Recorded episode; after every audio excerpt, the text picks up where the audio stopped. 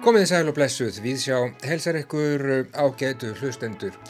Miðugudaginn 15. apríl og já, það er engin venjulegur dagur. Vigdís Finnbóðadóttir Guðni T.H. Jóhannesson ávarp á alþjóðlegum degi listarinnar og ljóð fyrir þjóð í viðsjá í dag og það ekki af verri endanum.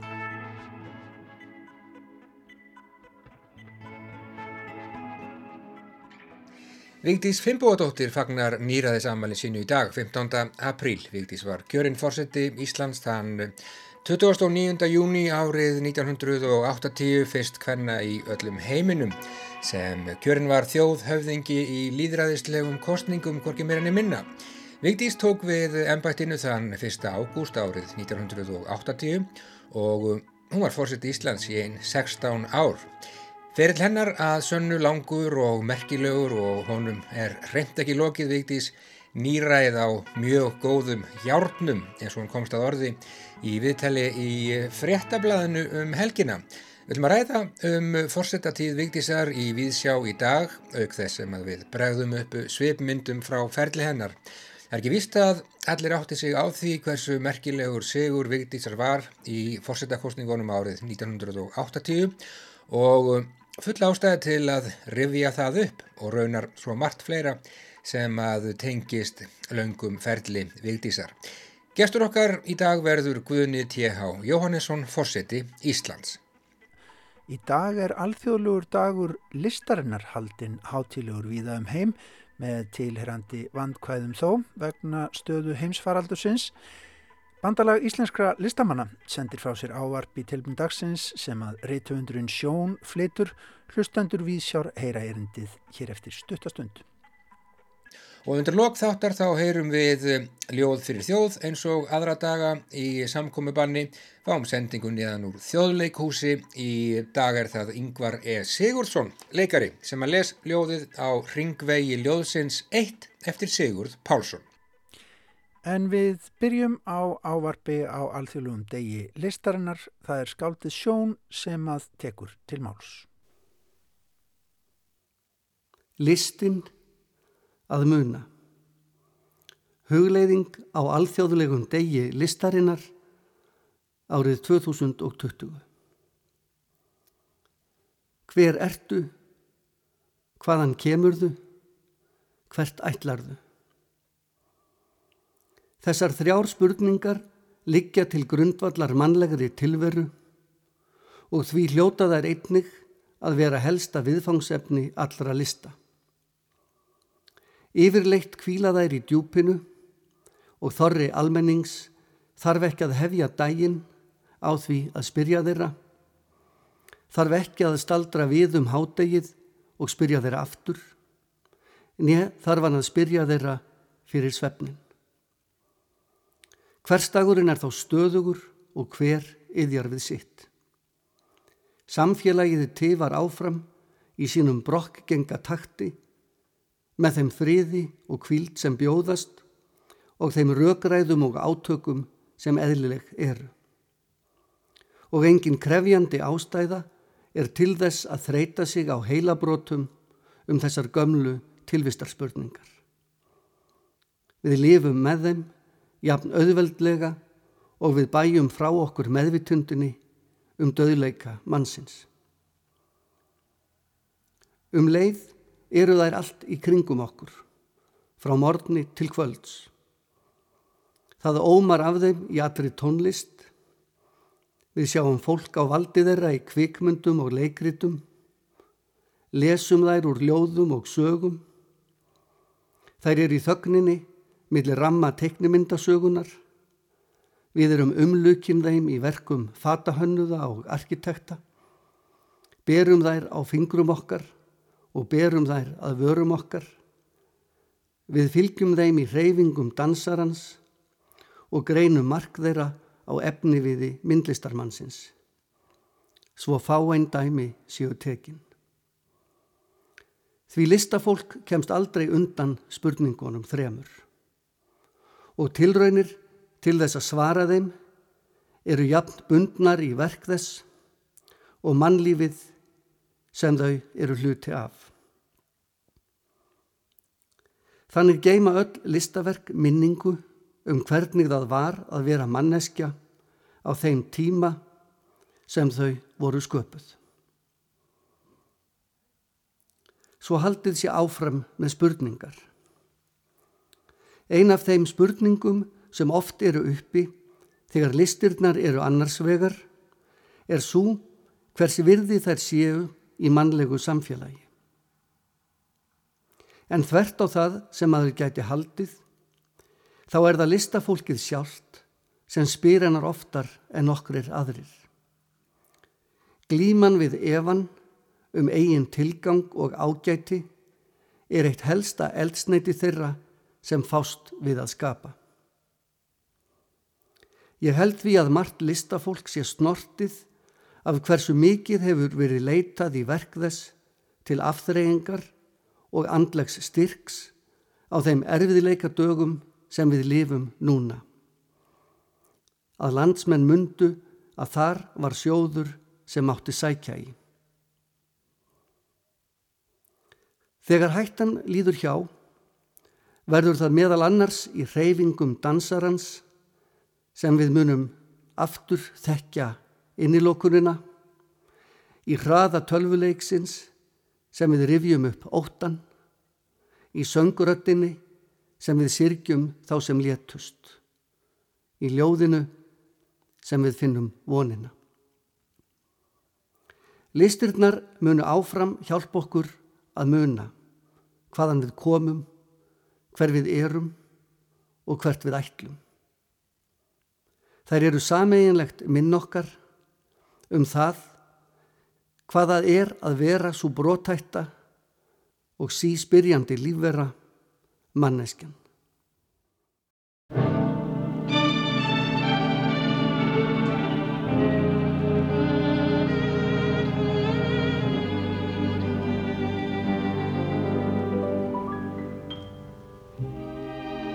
Hush now, don't explain. Just say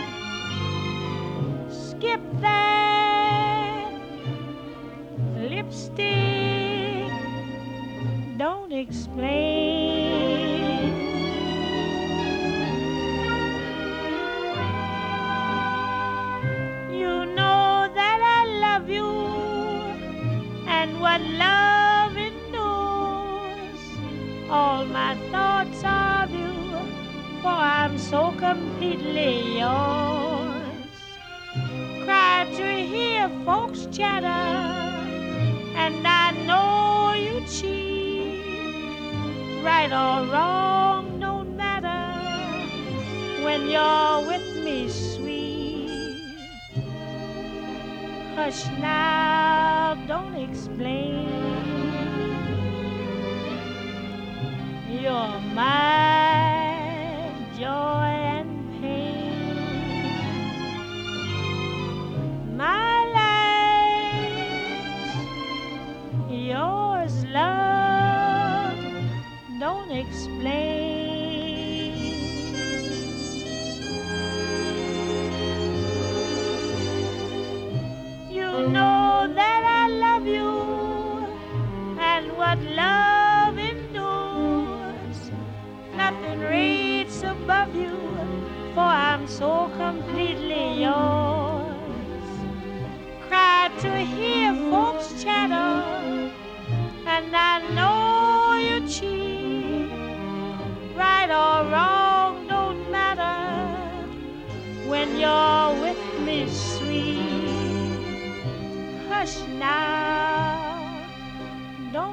explain.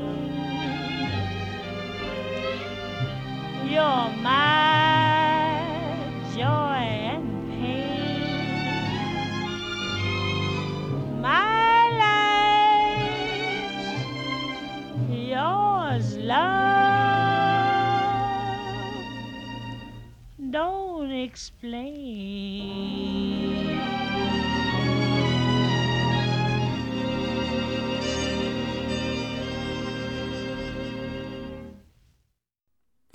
Það var Billie Holiday, svo eina sanna sem að söng lægið Don't Explain á eftir ávarpiri 201 sjón. Þetta var sending sem okkur bast frá honum og bandalegi íslenskra listamanna í tilöfnað alþjóðlugum degi listarinnar sem er haldinn hátilegur í dag við um heim þó aðstæður hjá þjóðum heimstrægi og nokkuð úr þeim hátíðarhöldum.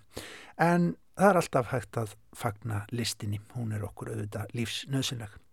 En þá hverjum við aftur í tíman einn 40 ár eða svo. Ljósærð og brósmild kona býr sig undir að fara út á svalir heima á sér. Það er svo sem ekkit í frásögur færandi nema hvað að í gardinum eru bæði lúðrasveit og karlakór og mikill mannfjöldi.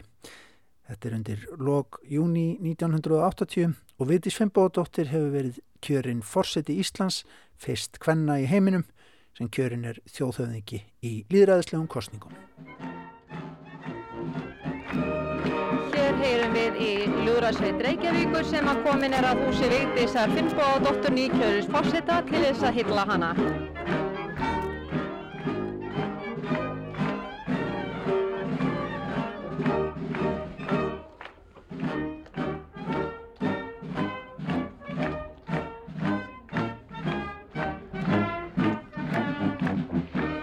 Hingað að aðragötu 2 hefur fólk drifið að úr öllum áttum til þess að hylla Vigdísi á þessum tillidegi í lífi hennar og íslensku þjóðarinnar.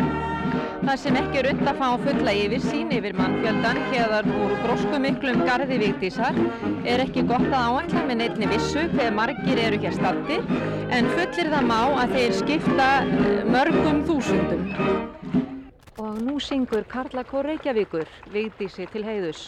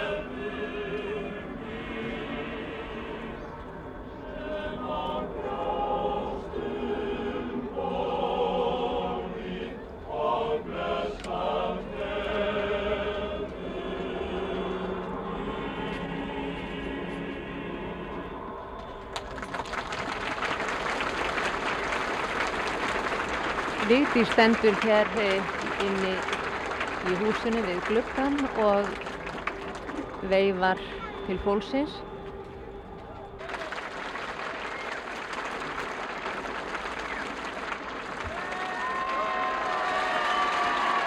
Og nú gengur Vigdís fram á svaleitar á húsi sínu og með henni gengur uh, Þór þjóðminjavörður og hún tekur við fagnaðalátum fólksins. Og hún tekur undir klappið. Vigdís, taktu nú við árnaðaróskum þjóðar þinnar. Við óskum Vigdísi Finnbóadóttur, nýkjörnum fórseta Íslands, til hamingju, hún lengi lifi. Húrra! Húrra! Húrra! Húrra! Og þetta var Þóra Magnússon þjóðminniðvörður sem ávarpaði Vigdísi Finnbóðadóttur. og Vigdís tekur nú til máls. Góðu landar mínir. Ég veit ekki hvað ég á að segja þegar ég sé ykkur svona mörg hér. Hjarta mitt fyllist af þakklæti fyrir þann sóma sem þið síni mér með því að koma hingað. Á mitt heimasetur hér á Aragötu 2. Mér hefur verið tíðrætt um það undanfarið hver mikinn auð við eigum í orði og visku forferðana sem þeir hafa flutt okkur, bæði heimamenn um sína fortíð og einnig íslensk skáld um visku og skáldskap utan úr löndum sem hafa orðið okkar eigin fyrir það að við eigum þessa tungu sameigilega. Fyrir rétt stundu síðan var mér gefin lítil bók og af einhverju tilviljun þá opnaði ég þennan litla böggul strax og þar kom upp úr honum bók sem heitir Spámaðurinn og er eftir Kalim Gíbran í þýðingu Gunnars Dahl og á titilblaði stendur 30. júni 1980 til forsetans frá aðdáanda. En í þessari bók fann ég strax að aðdáandin hafði sett merki á ákveðnum stað og þar stendur með íslenskri tungu sem að hefur flutt okkur visku úr öðrum heimslutum alla leið austan úr heimsálfum. Þar stendur Þá sagði víkur maður Talaðu við okkur um gjafir og hann svaraði að gefa af eigum sínum er lítil gjöf. Hinn sanna gjöf er að gefa af sjálfum sér. Því það hvað eru eigur þínar annað en hlutir sem þú geymir og gætir af ótta við að þarnast þeirra á morgun. Og hvað er óttin við skortin annað en skortur?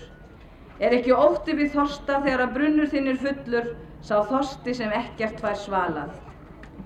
Til eru þeir sem gema lítið að naktum sínum og þeir sem gefa til að láta þakka sér og hinn dulda ósk þeirra eitrar gjöfina. Til eru þeir sem eiga lítið að gefa og gefa það allt.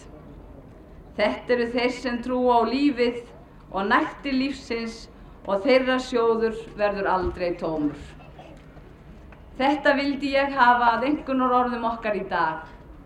En annað skáld höfum við líka eignast sem er Shakespeare og nú ætla ég að fara með í síðasta sinn á þessum ferli mínum til þessar, til þessar staðar sem að ég er nú á leiðinni til þá hef ég haft yfir orð sem að líka hafa verið þýtt á íslenska tungu úr erlendum bókmentum og e, búa yfir slíkri visku að aldrei fyrnist yfir. Það er að sjálfsögðu úr leikbókmentunum Það er eftir Shakespeare í þýðingu Helga Háldánasonar og er svona Á vorri jörð svo umt er ekki neitt að ekki geti farsælt af því leitt. Mér neitt svo gott að ekki verða villu ef eðli þessi spilt og leitt í villu. Digðum á snúa í lesti á ymsar lundir og löstur verður digð er svo berundir Ég óska þess að með megum búa saman við kærleika og visku sem að felst í þessum orðum og höfða þar til reynslu forferð okkar, megi það verða okkar gæfa í framtíð, okkar allra Íslendinga. Og megi Ísland lifa um aldir frjálst land. Ísland lengi lifi. Húrra! Húrra! Húrra! Húrra!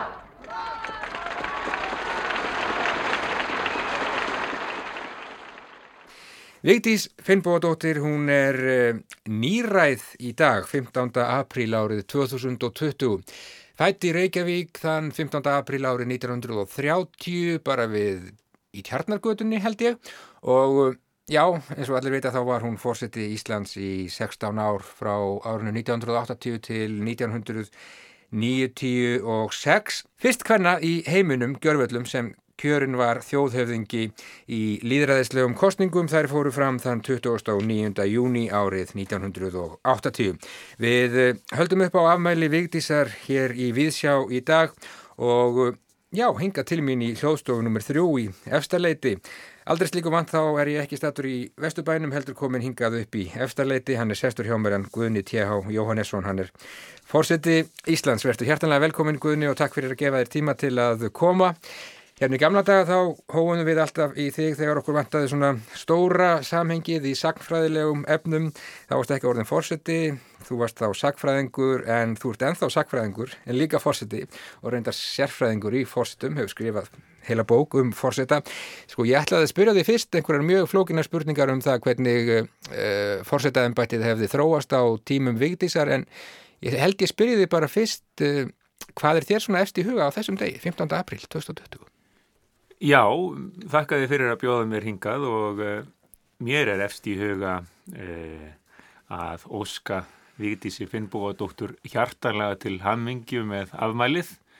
Uh, þetta eru merk tímamót og Víktís var farsæl fórseti og sannarlega vel til fundið að minnast hennar fórseta tíðar núna og óska henni allra hilla. E, maður sér það á fjesbók og e, víðar að e, þeir eru svo fjölmarkir sem eiga góðar minningar um Vigdísi og jafnvel mynd af sér með henni.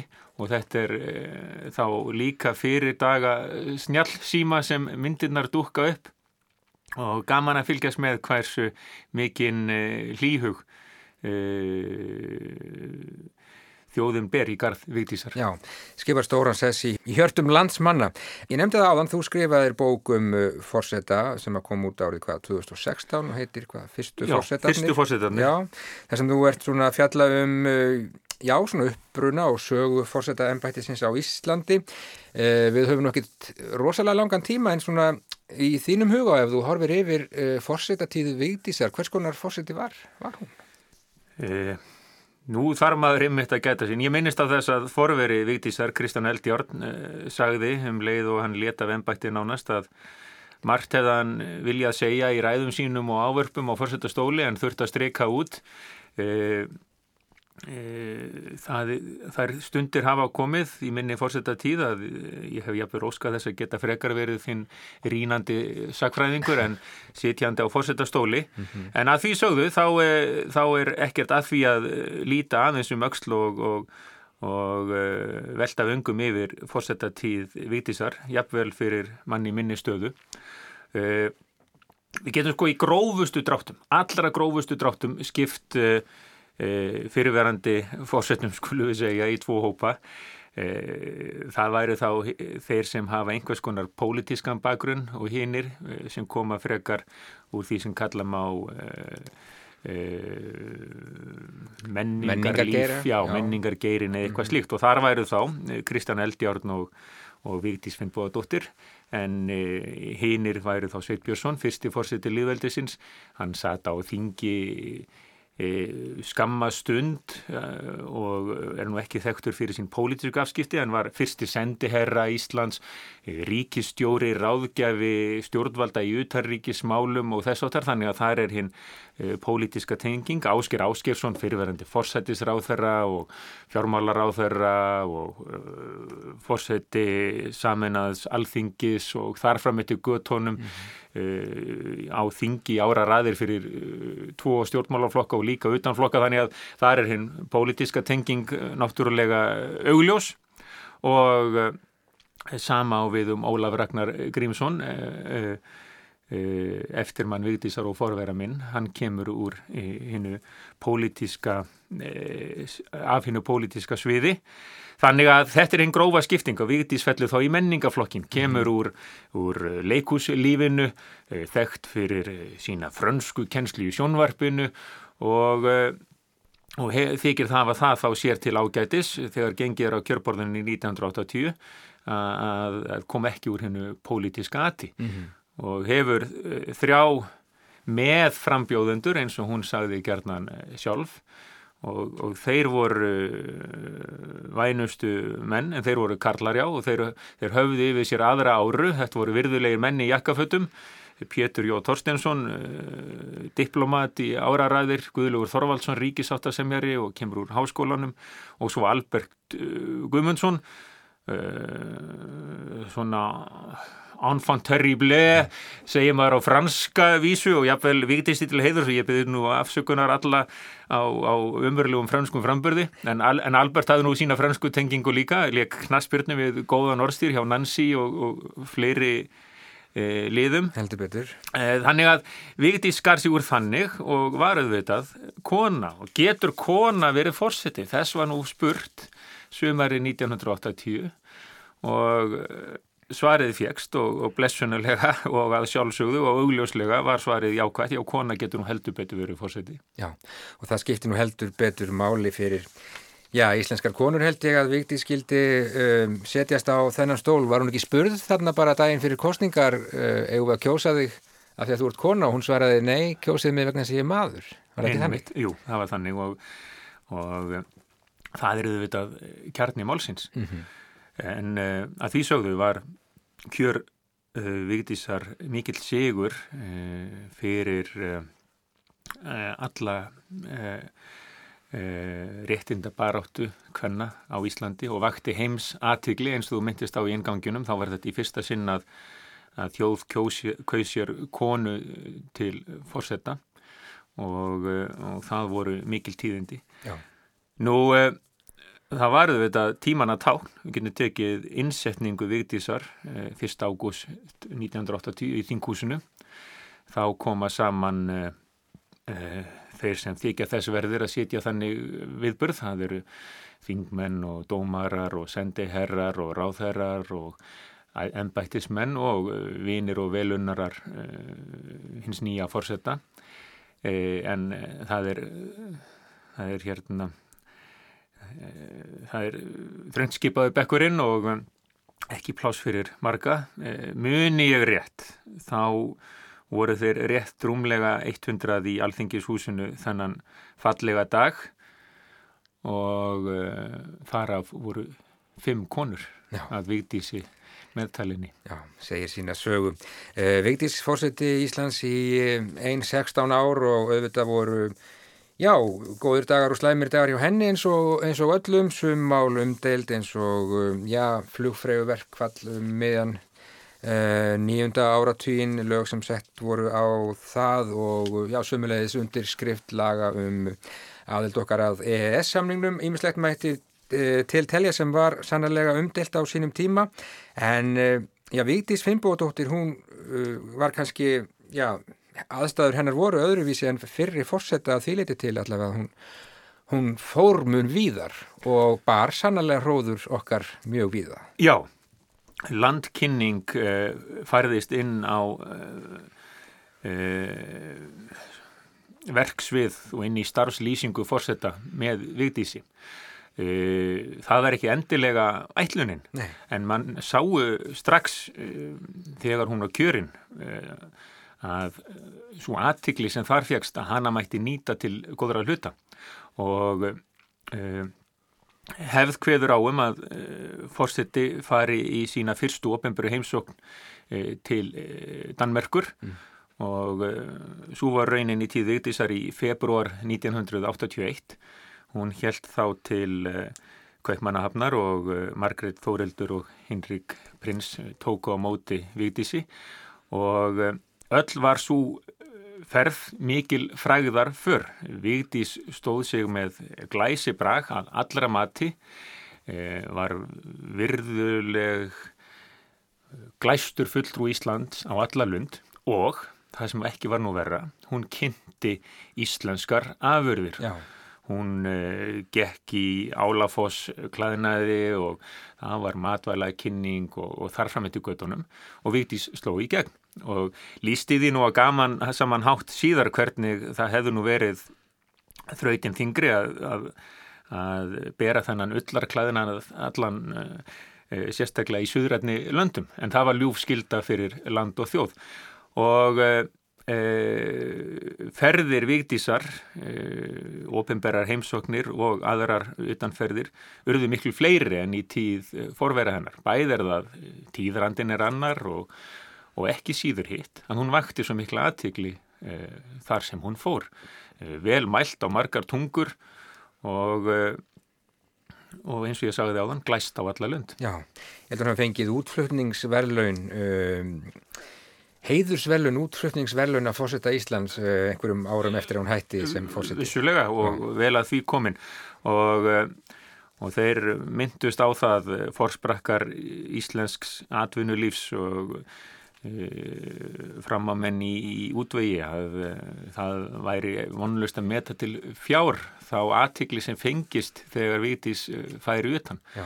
og um, þessi þáttur helstöðu við það og uh, varð á sinnhátt uh, uh, til hags fyrir Ólaf Ragnar Grímsson þegar hann var kjörinn fórseti í 1996 því hann lagði mikla áherslu á landkynningar hlutverk fórseta og fólk sá þá, já, það er einmitt það sem Vigdís gerði svo vel og, og, og nú höldum við áfram þótt, eh, þótt maður komið mann stað. Já, eh, lagði áherslu á þessa landkynningu og já, auðvitað hér heima íslenska tungu og skórekt og uh, umhverfismál og þetta eru mál sem hún hefur synt uh, já, alla, alla tíð. Uh, við erum enn að tala um Vigdísi Fimboðdóttur og hún er enn að láta gott af sér leiða. Síðast í gær þá var nú bara frétt um það að það sé verið að stopna þver vísindarlegt rannsóknarsetur sem að er tilengað þeim margréti Þórhildi, eh, Danadrottningu og Víkdís í Fembóðadóttur. Eh, það er eiga báðar stóra ammæli um þessar myndir, Víkdís eh, nýræðið í dag,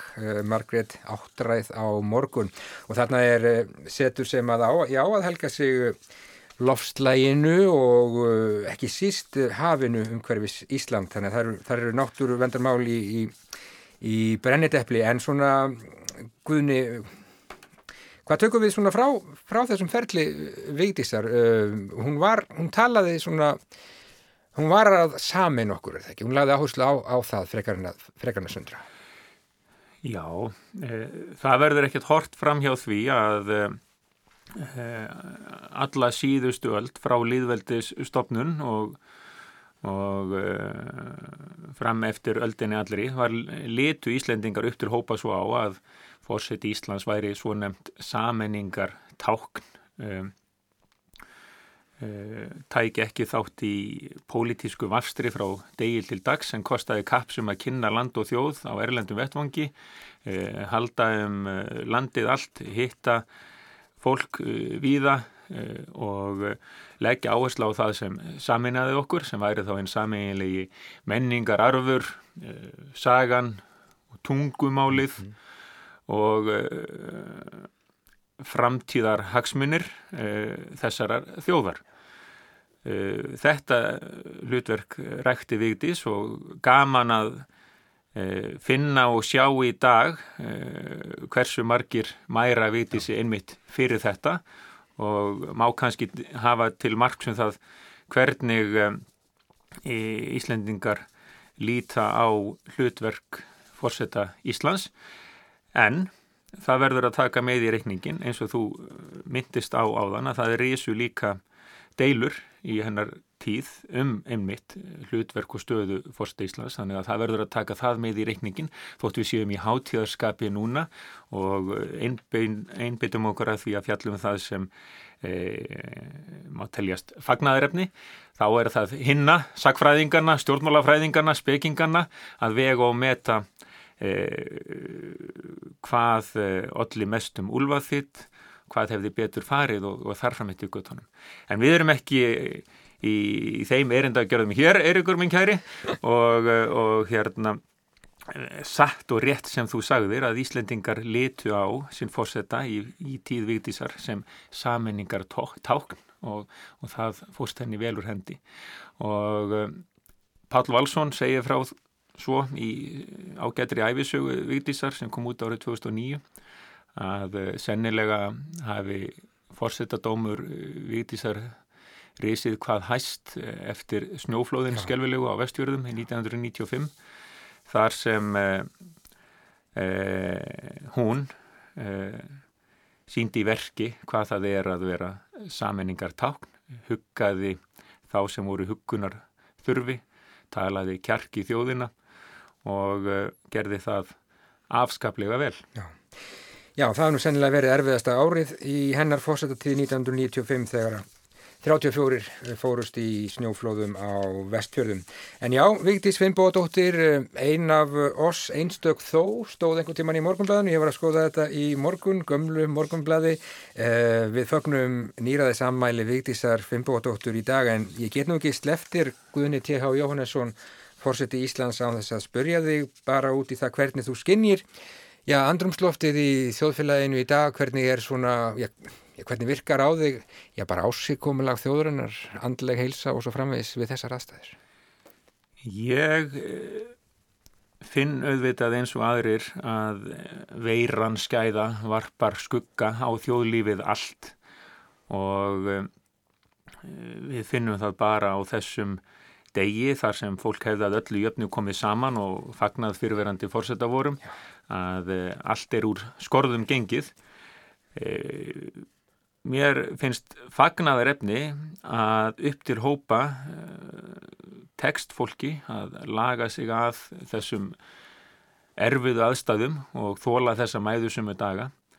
Eh, vissulega er hugurmanns hjá þeim sem eh, mist hafa ástvinni, hjá þeim sem hafa síkst illa og, og veikst og hjá þeim sem hafa mist sína vinnu og eru kvíðinir yfir ástandinu og framtíðinni eh, en þegar hort er yfir sviðið allt og þjóðlífið allt þá eh, hljótu við að eiga voni brústi. Mm -hmm. Við hljótum að geta sagt við okkur sjálf við eh, sínum núna þá samstöðu og samkend sem þarf og uh, þessu mun uh, létta, það mun byrta til og þá getum við aftur tekið upp þráðin þar sem frá var horfið, að hitta mann og annan, að gleyðjast á góðum stundum, að e, sinna okkar daglega lífi og jafnvel e, læra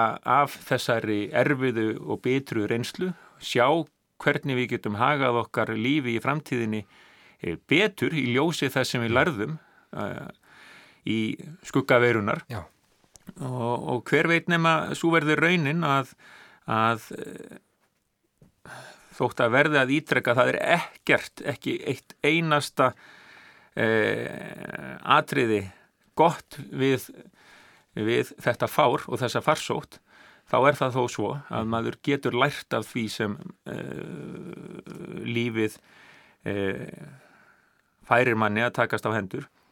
Og hver veit nema við getum í framhaldinu sagt við okkur eh, eftir þessa daga eh, ákvað ég að eh, nú skildi ég gera þetta aðeins öðruvísin ég gerði áður og þarfram hitt í göttunum þannig að við, við lærum þó eitthvað af þessu líka. Já, láttum það verða að loka orðin hjá okkur. Uh, Vigdís Fimboðdóttir, hún er nýræð í dag og uh, já, við uh, Sendum bara hamingi óskir til Vigdísar hérna úr uh, hljóðstofu númer þrjú í efstaleiti númer eitt. Þökkum henni kærlega fyrir allt það sem hún hefur gert fyrir okkur. Uh, ég held að við séum samála um það, Guðni T.H. Jónesson, að það sé margt. Það er svo sannarlega margt og uh,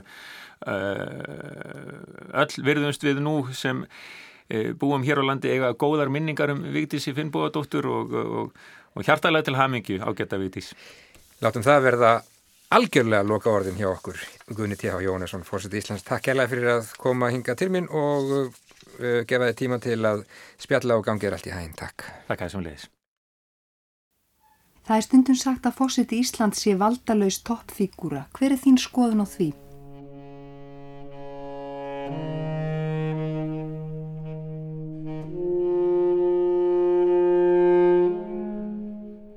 Já, mér finnst það nú bísna djúttekið í árinni.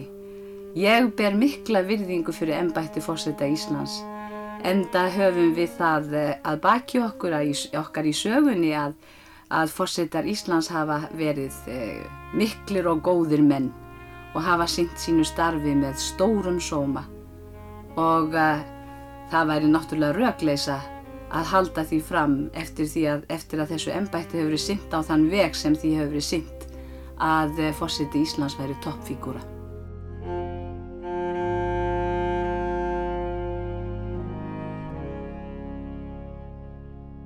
Hvers vegna býður þú þig fram til fórseta? Já, ég uh, ljáði nú máls á þessu eftir uh, mikla, miklar og, og margvíslegar áskoranir og eftir því sem að líður á nær þessum kostningum þá ger ég mér betur og betur ljóst að ég er oddviti fyrir mikinn fjölda manns í þessu landi. Fleiri, fleiri hundruð ef ekki þúsund manns sem að um, sjá það eitthvað í mér sem að þeim finnst að geti verið talsmaður sinn. Ég er sem sagt oddviti fyrir þetta fólk og ég uh, tristi því að ég beri gæfu til þess að, að bregðast í fólki ekki á neitt nátt í mínu málflutningi og í mínu háttarlægi uh, á þessu tímabili sem að líður fram að kostningum að ég nú ekki tali um ef að svo ólíkindarlega færi að ég hefði kjörinn fórsitt í Íslands. Útvarf Reykjavík, klukkan er orðin hálf fjögur, hálfri mínútu meira. Nú verður útvarpað frá embættistöku fórseta Íslands, útvarpað verður frá aðtöfn í Dómkirkjunni og síðan í Alþingishúsinu. Góðir samtíðamenn. Við stöndum á þessari stundu á þeim tímamótum að nýr forseti Íslands tekur við embætti. Sem einstaklingi verði mér fyrst fyrir að hugleiða það tröst sem mér hefur verið sínt með kjöri mínu til mikils virðingar embættis í íslensku samfélagi sem hefur verið nefnt sameiningar takn okkar allra. Ofar öðru ríkir þó í huganum og mun ríkja einlæg ósk um að líðræðislegur háttur þjóðar okkar á þessu kjöri og allri stjórnskipan okkar megi verða landinu og okkur öllum til gæfu í skiptum okkar hvers við annað og við aðrar þjóðir. Við þekkjum það öll af eigin raun að á tímamótun verður hugsunin fleigari en ella. Við hugsun til fortíðarinnar og látum okkur dreyma um framtíðina því þangað er vonunum vorkuna löst sem vegina minningin lagði. En raunar er líf okkar á hverri stundu ofið af minningum og draumum og draumarnir eru gullþræðirnir í vefnum. Án þeirra yrði ekki unað við lífið frá degi til dags, hvorki gleði þess nýja sorgir. Við erum þelið sem draumar spinnast úr.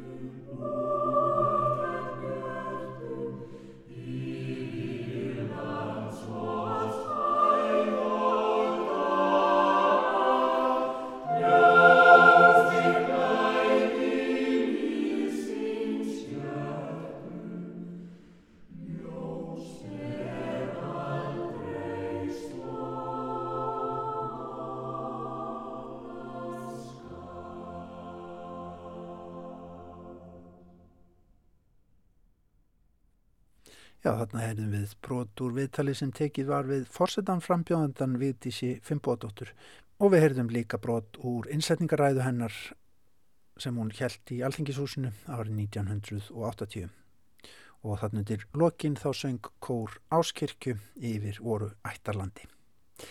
Og þá Í þjóðleikúsið Vigdís Fimboðdóttir er mikil leikúskona og það leikur beint við að halda beinustu leið þangað. Hún lærði leikúsfræði í Fraklandi og það gerði reyndar líka höfunduljósins sem við heyrum í dag. Ágæti leikúsgestur Borgþór Artgrímsson verdu hjartanlega velkomin í þjóðleikúsið. Vinsamlegast slögtu á farsimónum þó svo að ljós frá honum trubli ekki aðra síningagesti. Góða skemmtun.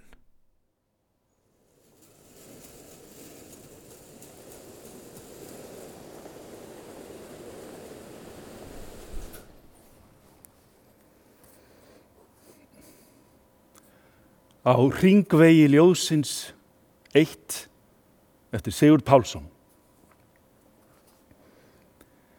Skreftu með mér í ferð út á ringveg ljóðsins.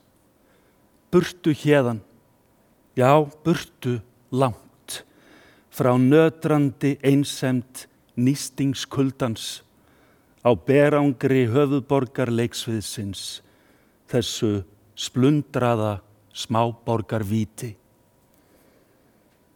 Ég skal fara um þig orðum, en umfram allt burtu hérðan, úr helvíti neyslu skildunar, sljóleika margtökunar, eitri dagblaða súpunar.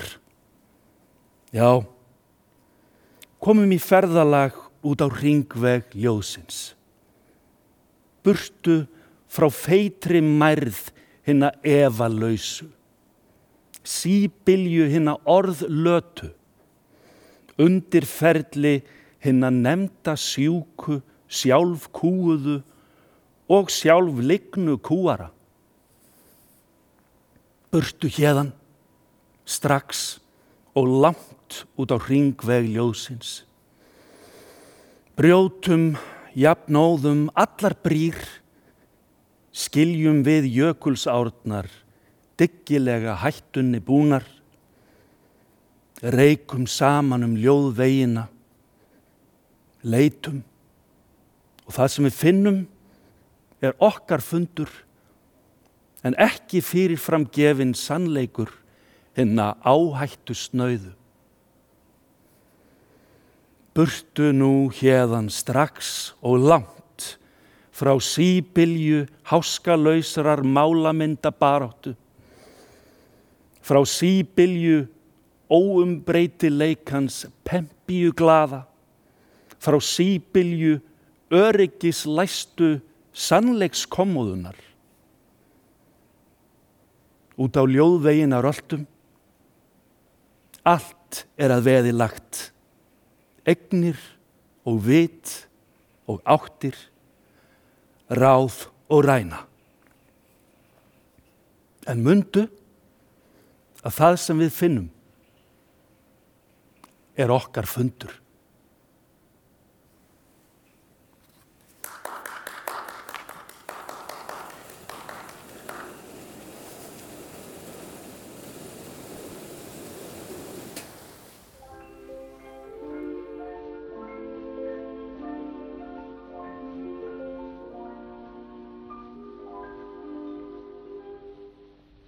La mer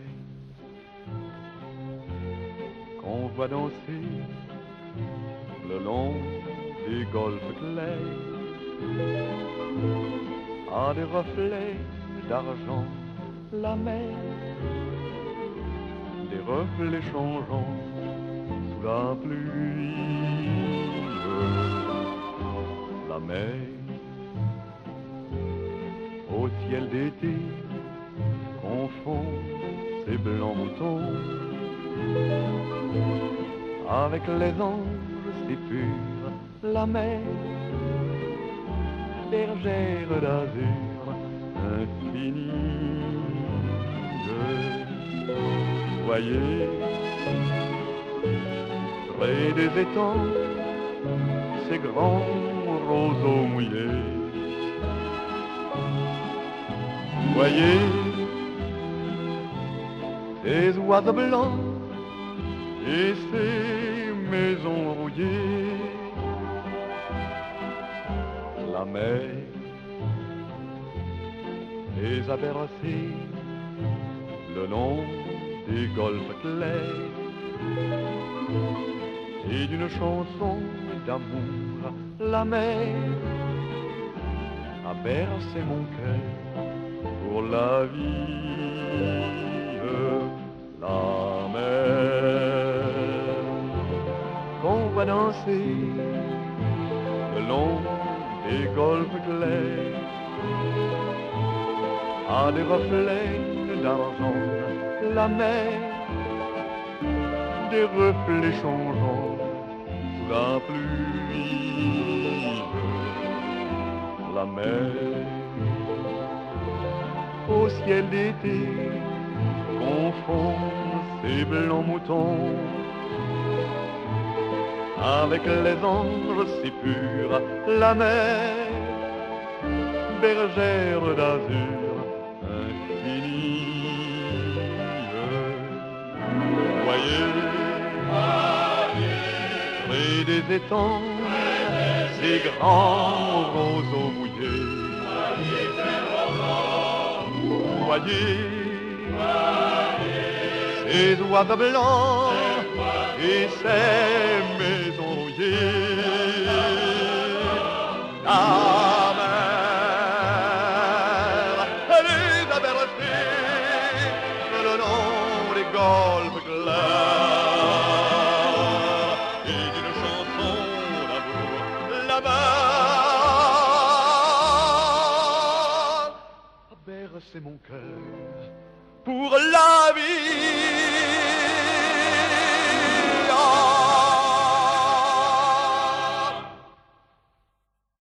Sjálftrenne, franski söngvarinn Ástsæli fór með okkur í örstuðta ferð að miðjarðarhafs ströndum að gefnu tilefni.